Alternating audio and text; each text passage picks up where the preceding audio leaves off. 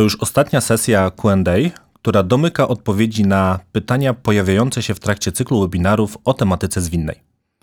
Wracamy do pierwszego tematu pod tytułem Szybciej generuj więcej wartości biznesowej, czyli jak zwinność w dużej skali pomoże Ci zrealizować cele strategiczne. To jest podcast Deloitte Zwinne Organizacje, gdzie wspólnie z naszymi gośćmi poruszamy najważniejsze obszary transformacji zwinnej. Notatki do tego odcinka znajdziesz na naszym blogu na stronie deloitte.com. Zapraszamy. Nazywam się Michał Chmielewski i do dzisiejszego spotkania zaprosiłem Marcina Cieślińskiego i Artura Kożucha z Deloitte. Cześć panowie. Cześć. Cześć Michał. Wszyscy jesteśmy z praktyki zwinnej i często w naszej pracy spotykamy się z pytaniami, jak pomóc naszym klientom, aby generowali więcej wartości biznesowej. Bazując na Waszej wiedzy i doświadczeniu, przejdźmy przez pytania zadawane przez uczestników webinaru. Zacznijmy od pytania numer jeden. Na ile zwinność w dużej skali jest kluczowym czynnikiem realizacji celów strategicznych, a na ile mówienie o zwinności jako o konkretnym i w zasadzie jedynym sposobie zarządzania jest aktualną modą? Myślę, że jest to bardzo ciekawe pytanie, ponieważ wiele osób nie pracujących do tej pory w podejściu zwinnym traktuje tą zwinność, to agility jako tymczasową modę. Przynajmniej też często tak o tym ludzie słyszą. Zacznijmy może od tego, czym ta zwinność tak naprawdę jest. E, zwinność rozumiemy jako zdolność do szybkiej adaptacji do zmieniających się priorytetów. I jak spojrzymy na to, co się działo w ostatnich latach, to zobaczymy, że z jednej strony mamy wszystkie te negatywne zjawiska, jak pandemia, wojna czy sygnały globalnej recesji, ale z drugiej strony mamy też globalizację kapitału ludzkiego, mamy pracę zdalną, upowszechnioną, mamy postępy technologiczne w sztucznej inteligencji. Spójrzmy na przykład na ChatGPT, który tak mocno e, zyskuje, zyskuje na liczbie użytkowników w ostatnich miesiącach. Uważam, że odpowiedzialni liderzy potrzebują zwinności biznesowej w swojej organizacji, aby ta organizacja utrzymała i zwiększała poziom konkurencyjności na rynku nie tylko nawet względem klientów, ale również względem swoich pracowników pod kątem szukania i utrzymywania talentów na rynku. Więc zwinność to nie jest moda, to jest nowy standard pracy, nowy sposób pracy, nowy styl zarządzania. Czyli nie coś, co jest konieczne, ale na pewno bardzo mocno pomaga firmie w poradzeniu sobie z bieżącymi problemami i prowadzeniu biznesu e, z dnia na dzień. Ja uważam, że jest to konieczne i ten styl pracy staje się naturalnym sposobem prowadzenia działalności mhm. już teraz. Nie mylmy zwinności z konkretnymi metodykami czy narzędziami. Myślmy o zwinności w charakterze zasad i wartości. Myślmy o zwinności w charakterze umiejętności dostosowania się do zmian w charakterze szukania feedbacku, w charakterze skupienia się na potrzebach klienta. Podejście zwinne 10-15 lat temu było nowym sposobem zyskiwania przewagi konkurencyjnej na rynku w kontekście pracy pojedynczych zespołów. Jeżeli teraz mówimy o zwinności w dużej skali, to mamy podobną sytuację. Firmy, które potrafią w sposób zwinny pracować w dużej skali, to są organizacje, które będą kształtowały naszą gospodarkę, kształtowały tą ekonomię i będą zyskiwały przewagę konkurencyjną nad innymi organizacjami. To, co powiedziałeś, bardzo mi się spodobało, że nie patrzysz na zwinność z perspektywy konkretnego e, frameworka czy rozwiązania, co też tutaj wielokrotnie podkreślamy w tym podcaście, tylko takim mind, pod kątem mindsetu, który e, albo ludzie, albo firma posiada i dzięki temu osiąga cele, które e, chce. Czy ty, Artur, do tego byś coś dorzucił? Ja może tak tylko podsumuję i sparafrazuję ten, ten punkt, żeby on był dla wszystkich, e, dla wszystkich zrozumiały. Mi się wydaje, że żyjemy teraz w takich dosyć trudnych i specyficznych e, czasach, gdzie po pierwsze klienci stali się bardzo wymagający, bo oczekują od nas bardzo szybko takiej najwyższej jakości produktów. Mhm. E, z drugiej strony, w tym samym czasie mamy konkurencję, która nigdy nie śpi i zawsze jest gotowa, żeby nas e, wyprzedzić w takim nieustającym wyścigu o, o, klienta końcowego. I z trzeciej strony, jak patrzymy na organizację, no to mamy jeszcze nowe pokolenie pracowników, które wchodzi, wchodzi w, w szeregi i to nowe pokolenie pracowników, ono ma zupełnie inne oczekiwania i aspiracje co do, co do pracy w tych organizacjach. Ci młodzi ludzie, oni chcieliby mieć przede wszystkim taki no, duży wpływ na produkty, które, które są kształtowane. E, chcieliby żyć i pracować w takim środowisku, które jest kreatywne, które pozwala im się rozwijać Mhm. i y, ja głęboko w to wierzę, że po prostu wynagrodzenie nie jest taką główną rzeczą, która teraz motywuje y, młodych ludzi. I praca w takim odpowiednim ekosystemie, takim zwinnym środowisku, y, po pierwsze zapewnia nam to, że jesteśmy w stanie szybciej dostarczać lepszej jakości produkty dla, dla klientów końcowych. E, Po drugie, jest w stanie e, pomóc nam e, utrzymać odpowiedniego tempa w tym wyścigu o, o klientów. No i po trzecie, pozwala nam stworzyć odpowiednie środowisko pracy dla klientów. Więc ja bym inaczej postawił pytanie, czy my jako organizacja jesteśmy w ogóle gotowi do tego, żeby nie być zwinnym i żeby pracować w taki tradycyjny, hierarchiczny, hierarchiczny sposób. Okej, dzięki wielkie. To tutaj od razu może przejdźmy płynnie do pytania numer drugiego, które łączy się z pytaniem numer jeden, czyli czy sytuacje w firmach są zwykle bardziej skomplikowane niż tak zero-jedynkowe i czy wymagają miksu różnych narzędzi i sposobów, żeby realizować cele organizacyjne? E, Ja oczywiście muszę się po tym podpisać, to i rękami, i nogami. E, Generalnie y, musimy patrzeć na zwinność jako taki parasol, który pod sobą kryje wielu różnych metod, podejść, narzędzi i technik. No i umiejętność ich odpowiedniego połączenia, zastosowania w taki sposób przemyślany, biorąc pod uwagę specyfikę danej organizacji, potrzeby rynkowe, e, to jakie dana organizacja ma tak naprawdę bolączki i wyzwania i czego ona potrzebuje na koniec dnia i co może przynieść jej naj, naj, najwięcej korzyści jest po prostu kluczowe.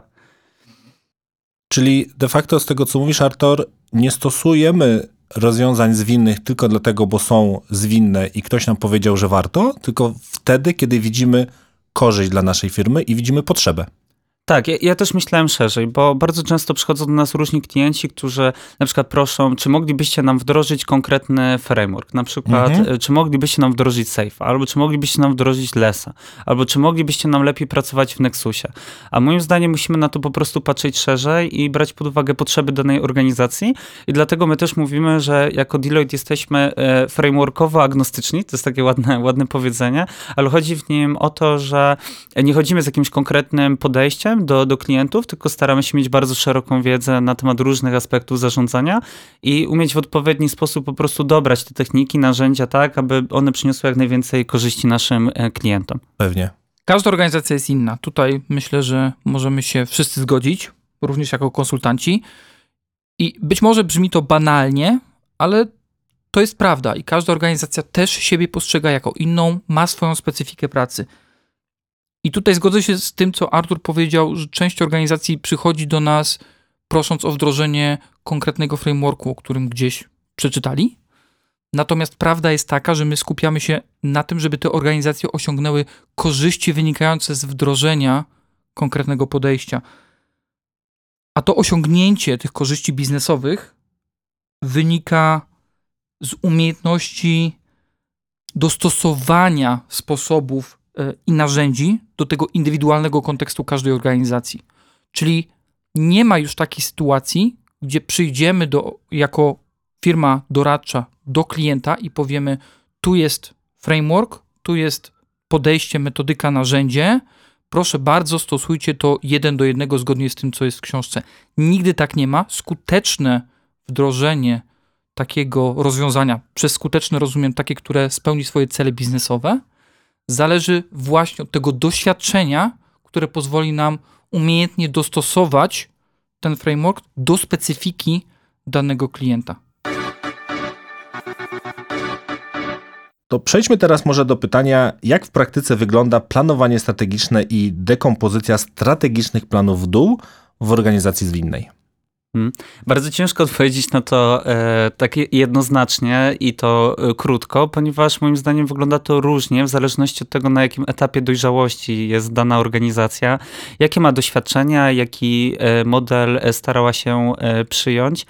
E, Ale żeby tak zgeneralizować i powiedzieć troszeczkę o tym, co my doradzamy naszym klientom i nad czym z naszymi klientami pracujemy, to staramy się prowadzić e, coś takiego, co nazywamy planowaniem kwartalnym, gdzie bardzo często dokonujemy takiego przeglądu naszych celów strategicznych, naszej strategii. Staramy się ją dekomponować na mniejsze elementy i też kaskadować niżej po prostu w organizacji na poziom e, zespołów wytwórczych lub poszczególnych obszarów. My w Deloitte akurat nazywamy to strumieniami wartości, ale są różne inne nazwy, które też e, funkcjonują na, na rynku, na przykład triby, które są w ostatnich latach bardzo, bardzo e, popularne. I e, to, to może wychodzić bardzo efektywnie, na przykład przy wykorzystaniu metody OKR. Jak dobrze pamiętam, to właśnie o tym prowadziliście webinar też z naszym gościem z, z T-Mobile, który bardzo, bardzo mi się podobał. To, co Artur powiedziałeś o OKR-ach, to myślę, że jest bardzo istotne, ponieważ jest to bardzo praktyczne narzędzie do tego, żeby celowi strategicznemu nadać wymierną formułę, nadać kryteria akceptacji. Największą bolączką, którą ja z mojego doświadczenia widzę w kontekście celów strategicznych w organizacjach, jest ich rozmycie, niejednoznaczność i fakt, że wiele osób inaczej rozumie ten sam cel strategiczny. Więc wykorzystanie OKR-ów do planowania kwartalnego, czy to, przez, czy to poprzez QBR-y, czy to poprzez PA Planning, jest bardzo efektywną metodą. My to stosujemy, my to rekomendujemy, widzimy efekty takiej pracy na co dzień i zdecydowanie polecamy korzystanie z OKR-ów. Wydaje mi się, że takim głównym wyzwaniem właśnie do tego, co teraz e, opowiadamy, to jest zachęcenie i zaangażowanie odpowiednio leadershipu w organizacji, przede wszystkim na poziomie zarządu, do tego, żeby oni chcieli w ogóle kontrybuować, bo takie wydarzenia typu PA Planning albo QBR, o którym przed chwilką powiedziałeś, to moim zdaniem to potrafi być e, świetne narzędzie dla organizacji, które w taki efektywny sposób pozwala właśnie na e, dekompozycję i kaskadowanie niżej tych planów strategicznych, ale bez odpowiedniego zrozumienia, zaangażowania i takiego wsparcia po stronie zarządu, no może się to okazać mało efektywne albo wręcz niemożliwe. Panowie, ale tak jak patrzę na to pytanie, jest planów tylko i wyłącznie w dół. A co do, jeżeli mówimy, żeby też to planowanie szło do góry? Poruszyłeś, Michał, bardzo ważną kwestię. Uważam, że jest to bardzo istotne, żeby w organizacji, która w dojrzały sposób pracuje zwinnie, ta decyzyjność na temat realizacji celów była również propagowana z dołu do góry, czyli żeby pracownicy na poziomie operacyjnym, czyli ci ludzie, którzy mają de facto największą wiedzę o wykonywanej pracy, o procesach, najwięcej wiedzą o nieefektywnościach, mogli po pierwsze podejmować decyzje, byli do tego upoważnieni. Po drugie, żeby mieli również możliwość zgłaszania inicjatyw, innowacji i żeby te innowacje były priorytetyzowane i realizowane również w ramach celów Mhm. strategicznych. Nie dość, że to się bardzo łączy z pierwszym pytaniem, na które przed chwilą e, mieliśmy przyjemność odpowiedzieć, to też łączy się to wszystko razem z tym podejściem wyznaczania celów metodą OKR, bo dzięki OKR-om pracownicy mają możliwość e, wywierania wpływu na to, jakie będą mieli w przyszłości wyznaczone cele i mogą do nich kontrybuować. Dlatego to świetnie się właśnie wpisuje w to pytanie, Michał, które przed chwilką zadałeś. Czyli słuchajcie, żeby tak podsumować, czyli ważne jest, żeby planować, planować często, planować kwartalnie. E, wiedza o strategii i planów na strategię powinna być ogólnie dostępna. Powinniśmy pytać zarówno pracowników em, oddolnie, jak i też ta strategia powinna przypadać odgórnie. I co, jeszcze powinniśmy dekomponować trochę tą strategię. Mm, Wydaje mi się, że te pytanie już wyczerpaliśmy wszystko, co mogliśmy na ten temat powiedzieć w tak krótkim czasie. Przejdźmy sobie do następnej części. Jak zwinnie działać w przypadku, kiedy pracownicy w jednym zespole są ulokowani od Filipin po Stany Zjednoczone? A to bardzo interesujące pytanie, bo akurat chciałbym zwrócić uwagę na to, że globalne działanie w różnych strefach czasowych, tak jak Filipiny, Stany Zjednoczone, miało miejsce na długo przed pandemią, tak naprawdę, w niektórych firmach, gdzie zespoły pracowały już wtedy w sposób globalny, gdzie część pracy była dostarczana w Stanach, część pracy była dostarczana w Europie, a część pracy była dostarczana w Azji, w Indiach czy w Filipinach. Ale wiesz co, wydaje mi się, że teraz jest trochę tak, że to jest bardziej popularne. To już nie jest to, że my słyszymy o tym, w jak w dużych firmach to się dzieje, albo gdzieś tam za granicą, tylko jest to standard, bym powiedział, nawet trend, który powoduje, że nawet w Polsce wiele firm może powiedzieć, że pracuje z innymi oddziałami, innymi mm, częściami swojej firmy, która jest ulokowana w totalnie w innych obszarach. Tak, zgadzam się. powodem takiego stanu rzeczy jest pandemia, która w wielu firmach wymusiła cyfrową transformację czy wykorzystanie globalnego kapitału ludzkiego. Natomiast jedną rzecz chciałem powiedzieć: nic nie zastąpi takiego kontaktu face to face. Czyli uważam, że ten zespół, nawet jeżeli pracuje zdalnie, to raz powinien się spotkać twarzą w twarz. Nie będą to duże koszty w stosunku do wartości, którą to wniesie do organizacji. Jeżeli już mówimy o tym, jak zespoły powinny pracować operacyjnie, to przede wszystkim trzeba się dostosować do różnic w strefach czasowych z szacunkiem do innych osób. Dam Ci dobry przykład. W ramach Deloitte mamy takie spotkanie Global Agility Leadership Meeting, gdzie liderzy praktyk zwinnych z różnych krajów globalnie spotykają się raz na jakiś czas, żeby podyskutować o tym, co możemy robić lepiej jako Deloitte. I wdrożyliśmy taki system spotkań, żeby dostosowywać się do różnych stref czasowych. Czasami to Mhm. spotkanie będzie wygodniejsze dla naszych kolegów i koleżanek z Australii, czasami będzie to wygodne dla tutaj, dla nas w Europie, czasami będzie to wygodne dla koleżanek i kolegów w Stanach Zjednoczonych. Czyli współdzielimy ten ból związany z różną strefą czasową. Dam Ci kolejny przykład. Jeżeli pracujemy z naszymi klientami, którzy mają globalne zespoły rozsiane po całym świecie i opracowujemy z nimi agendę PI planningu czy big room planningu, to jedną z ważniejszych rzeczy jest to, żeby po pierwsze każdy z tych zespołów zaczynał pracę o przyzwoitej porze. Przez przyzwoitą porę rozumiem mniej więcej od ósmej i żeby każdy z tych zespołów też kończył pracę o przyzwoitej porze, czyli powiedzmy do 18-19. I kolejna ważna rzecz, żeby każdy z tych zespołów miał czas na lunch o porze, w której normalnie lunch w danym kraju jest, czyli mniej więcej między 12 a 14. Więc czasami te dyskusje o agendzie trwają długo, ale uważam, że jest to bardzo ważne, ponieważ wtedy ludzie czują, że system pracy jest dla nich, a nie oni dla systemu.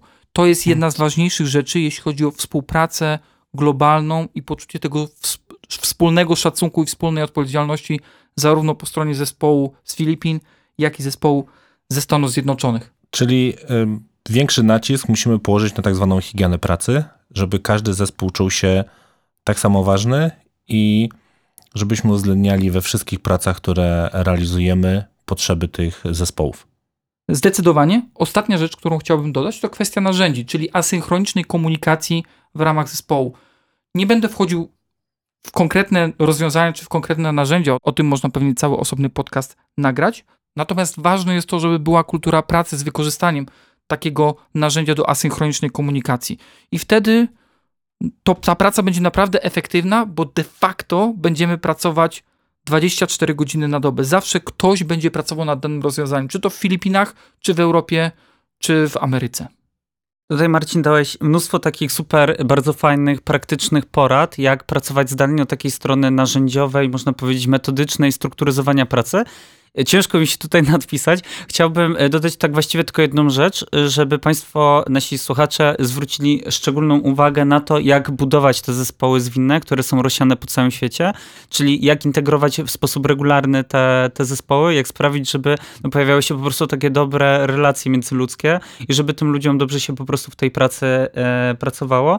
I kiedy ja pracowałem razem z zespołami, które były rozsiane po całym świecie, e, to organizacje dokładały wszelkich starań na taką, można powiedzieć, też integrację online, żeby robić różne wydarzenia e, zdalne. I oczywiście nic nie zastąpi tego kontaktu face to face, tak jak powiedziałeś, i w zupełności się z tym zgadzam, że jak tylko możemy, to, to róbmy te spotkania, kiedy zlatujemy się, można powiedzieć, wszyscy do jednego miejsca, do jednego kraju, e, ale to jest, to jest rzadkie, tak? Jeżeli to się odbywa na przykład raz na pół roku, raz na rok, moim zdaniem, to taka integracja może być niewystarczająca i wtedy fajnie jest na przykład zrobić jakieś gry online, które, które można sfacylitować.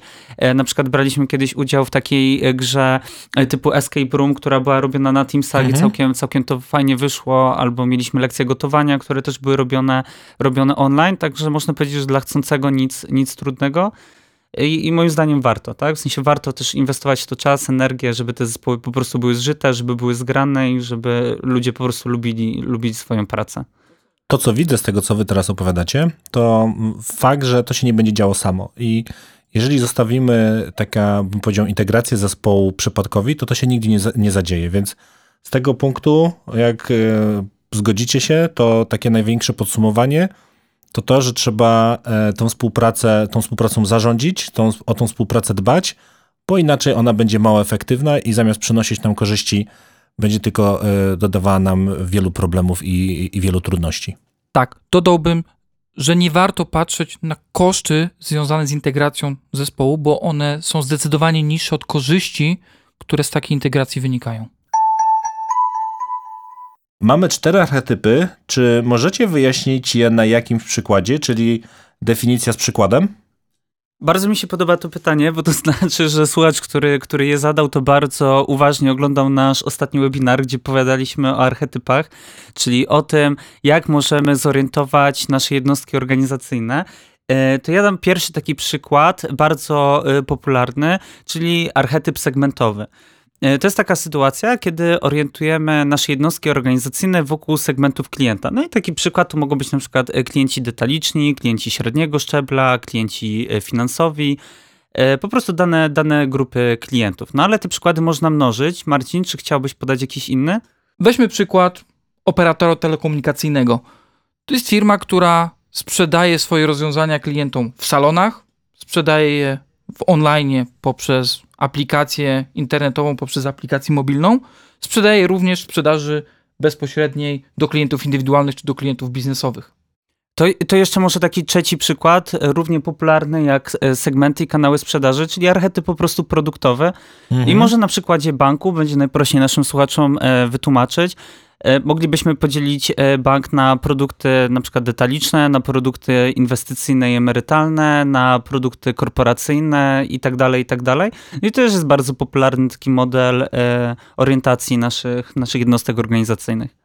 Tak, i ostatnim przykładem jest archetyp powiązany ze ścieżką doświadczeń klienta, czyli z Customer Journey. I to jest archetyp, który jest wykorzystywany najczęściej przez organizacje, które mają do czynienia z klientem masowym. Tak, tak ja, chciałem, ja, ja chciałem tylko dodać na koniec jedną rzecz, że ten e, archetyp customer journeyowy jest niezwykle ciekawy, bo jest bardzo klientocentryczny, e, co jest wspaniałe w dzisiejszych czasach, ale jest też niezwykle trudny do wdrożenia w praktyce, ze względu na to, że bardzo ciężko jest nam stworzyć te jednostki organizacyjne wokół konkretnych kroków w ścieżce klienta, odpowiednio zdefiniować i odpowiednio też podzielić nasze zasoby organizacyjne na te, Mhm. na te jednostki. Temat rzeka, możemy go kiedyś poruszyć w ogóle na e, dedykowanym podcaście.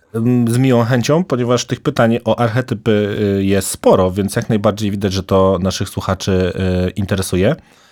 Z archetypami powiązane są też strumienie wartości i mamy dwa ostatnie pytania związane właśnie ze strumieniami wartości. Powiedzcie mi, jaką datę ważności mają e, strumienie wartości? Czy są powoływane na zawsze, czy może są rewidowane co jakiś czas? Co do zasady, strumienie wartości powoływane są bezterminowo. Powinniśmy myśleć o strumieniach wartości nie jako o projekcie, który ma swój początek i koniec, ale bardziej jako o mini biznesie. I lider strumienia wartości to jest osoba, która odpowiada za ten biznes. Techniczny lider strumienia wartości to jest osoba, która odpowiada za integralność i strukturalność technicznych rozwiązań dostarczanych przez ten biznes. Pytasz się również o to, czy te strumienie wartości są rewidowane co jakiś czas. Sukces i aktywność takiego strumienia wartości zależą oczywiście od budżetu, który do tego strumienia jest przypisany.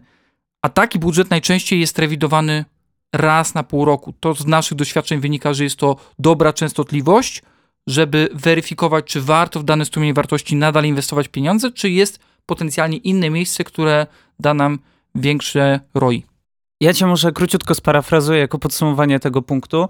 E, musimy patrzeć na lidera strumienia wartości jako na mini CEO, lidera technicznego postrzegać jako mini CTO, a strumień wartości jako taką firmę w firmie, która ma własny rachunek zysków i strat, ma własnych klientów, własne produkty i walczy o własny sukces e, rynkowy. Czyli tworzymy patrząc na długoterminowe zyski, jednak jeżeli jest potrzeba, zmieniamy w trakcie funkcjonowania. Zyski to oczywiście jedno, ale też patrzymy na satysfakcję naszych klientów i na satysfakcję pracowników i na to, żeby po prostu byli szczęśliwi. Panowie, to na zakończenie powiedzcie mi, gdzie jest miejsce na business as usual w strumieniach wartości czy poza? I jeśli bał realizujemy poza strumieniem wartości, to jak wygląda to w praktyce? To jest bardzo, bardzo dobre pytanie, ale też niezwykle rozbudowane i ciężko na nie y, krótko odpowiedzieć. Ale postarajmy się krótko I na temat. i na temat. Oczywiście. Jeżeli chodzi o bału, to musimy y, przeanalizować, jakie dokładnie bału mamy na myśli, czyli jakie, o jakich kompetencjach tutaj mówimy, o jakich funkcjach eksperckich. Bo inaczej będziemy troszeczkę patrzyli na takie kompetencje, które w sposób regularny wspierają strumienie wartości i po prostu jest taki biznesowy sens, żeby te funkcje bału weszły w skład danego strumienia wartości. Przyszło mi tutaj do, na, na myśl security. Security jest bardzo dobrym przykładem i to, czy na przykład security, które działa jako bał, powinno być w ramach strumienia wartości, czy poza, bardzo często determinuje to, ilu my mamy ekspertów, który, którzy zajmują się security w organizacji, bo najczęściej obserwuję taką sytuację, że nie jest ich wystarczająco dużo, żeby tych ekspertów podzielić na strumienie wartości. Zazwyczaj I w- tak jest. Zazwyczaj tak jest. I wtedy na przykład tworzy się e, Center of Excellence, takich, em, można powiedzieć, ekspertów od security, którzy mają jasno ustalony kontrakt i zasady współpracy ze strumieniami wartości.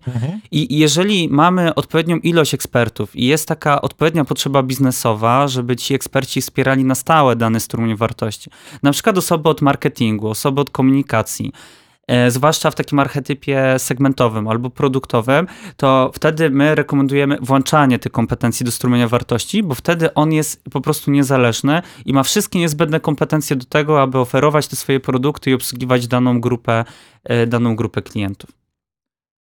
Strumienie wartości, jak Artur wcześniej wspomniałeś, to są mini firmy. To oznacza, że mają generować korzyści biznesowe.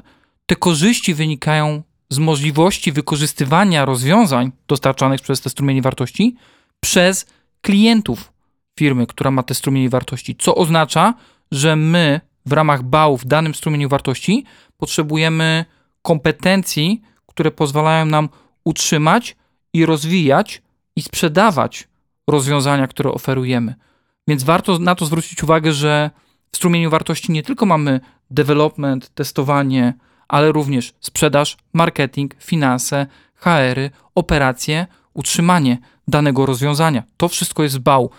To, to właśnie musimy każdorazowo wziąć pod, e, pod uwagę specyfikę danej organizacji. To jakie mamy kompetencje na pokładzie, na ile my jesteśmy w ogóle gotowi to, żeby zwiększać zatrudnienie, żeby poszerzać te kompetencje, na ile istnieje taka potrzeba biznesowa, jak to przełoży się na strukturę kosztów naszej organizacji. To jest bardzo złożony temat i uważam, że trzeba go potraktować po prostu indywidualnie w ramach każdej organizacji. Jednak z tego, co mówicie, najczęściej będzie to poza strumieniem wartości, ale jak to najlepiej ułożyć, jak to powinno wyglądać w konkretnej firmie, to wszystko zależy od tego, z, y, z jakim strumieniem będziemy mieli do czynienia. Y, I to jest sprawa indywidualna. Znaczy tak też zarabiamy na chleb, tak? Więc jeżeli tutaj nasi słuchacze mają pytania, jak się za to zabrać, jak najlepiej poukładać po prostu bału w organizacji, no to serdecznie zapraszamy do kontaktu, czy przez media społecznościowe, czy bezpośrednio gdzieś przez kontakt na zwinne organizacje na stronie Deloitte, to z chęcią w tych tematach po prostu pomożemy. Większość bał realizowane poza strumieniami wartości działa w formule tak zwanego Shared Service Center, czyli współdzielone usługi dla różnych miejsc w organizacji. Tak działają na przykład prawnicy, czy działy finansów, czy działy Mhm. HR-ów. Często również w, ten w tym modelu współdziałają, gdzie mamy menedżerów liniowych, którzy odpowiadają za wspieranie swoimi usługami poszczególnych obszarów organizacji na zasadzie dotrzymywania pewnego SLA.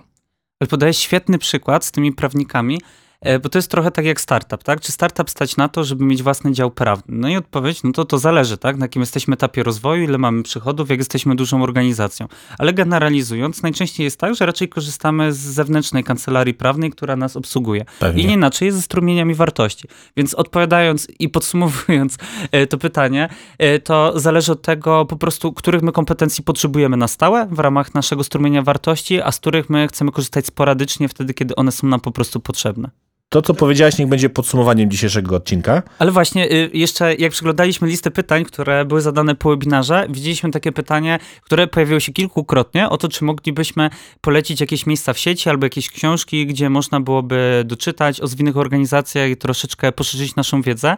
Y, Więc y, po pierwsze chcielibyśmy zareklamować naszego bloga Zwinne Organizacje i podcast, bo znajdą tam Państwo, myślę, bardzo wiele ciekawych informacji o budowaniu efektywnych i zwinnych organizacji. e, na miarę 2023 roku. E, A jeżeli chodzi o książki, bo te pytania rzeczywiście się powtarzały, to ja chciałem polecić od siebie dwie. E, Pierwsza książka to jest Reinventing Organizations. Bardzo, bardzo e, ciekawa pozycja, jeżeli chodzi o budowanie organizacji zwinnych. I druga, może tak troszkę luźniej związana, ale aktu- aktualnie ją czytam i bardzo, bardzo mi się podoba, jest niezwykle użyteczna w codziennej pracy. To jest Ben Horowitz, Hard Things About Hard Things. I Marcin, coś do dodania, jakieś książki od ciebie? Tak, z mojej strony myślę, że też dwie książki bym dodał. Pierwsza to jest Sooner Safer Happier, książka autorstwa Jonathana Smarta, a druga książka to jest The Phoenix Project, autorstwa Gina Kim. To są takie dwie pozycje, które uważam, że naprawdę warto przeczytać w kontekście tworzenia zwinnej organizacji. Super. To słuchajcie, ja wam bardzo dziękuję za dzisiaj. To my dziękujemy, to była przyjemność. Dziękujemy. A ja dziękuję Wam za cykl trzech y, webinarów i trzech cykli odpowiadających na pytania po webinarach i zapraszamy na kolejne. To był podcast Deloitte Zwinne Organizacje. Te i inne odcinki znajdziesz na naszej stronie i popularnych platformach streamingowych. Zasubskrybuj na stronie deloitte.com ukośnik subskrypcja. Do usłyszenia w następnym odcinku.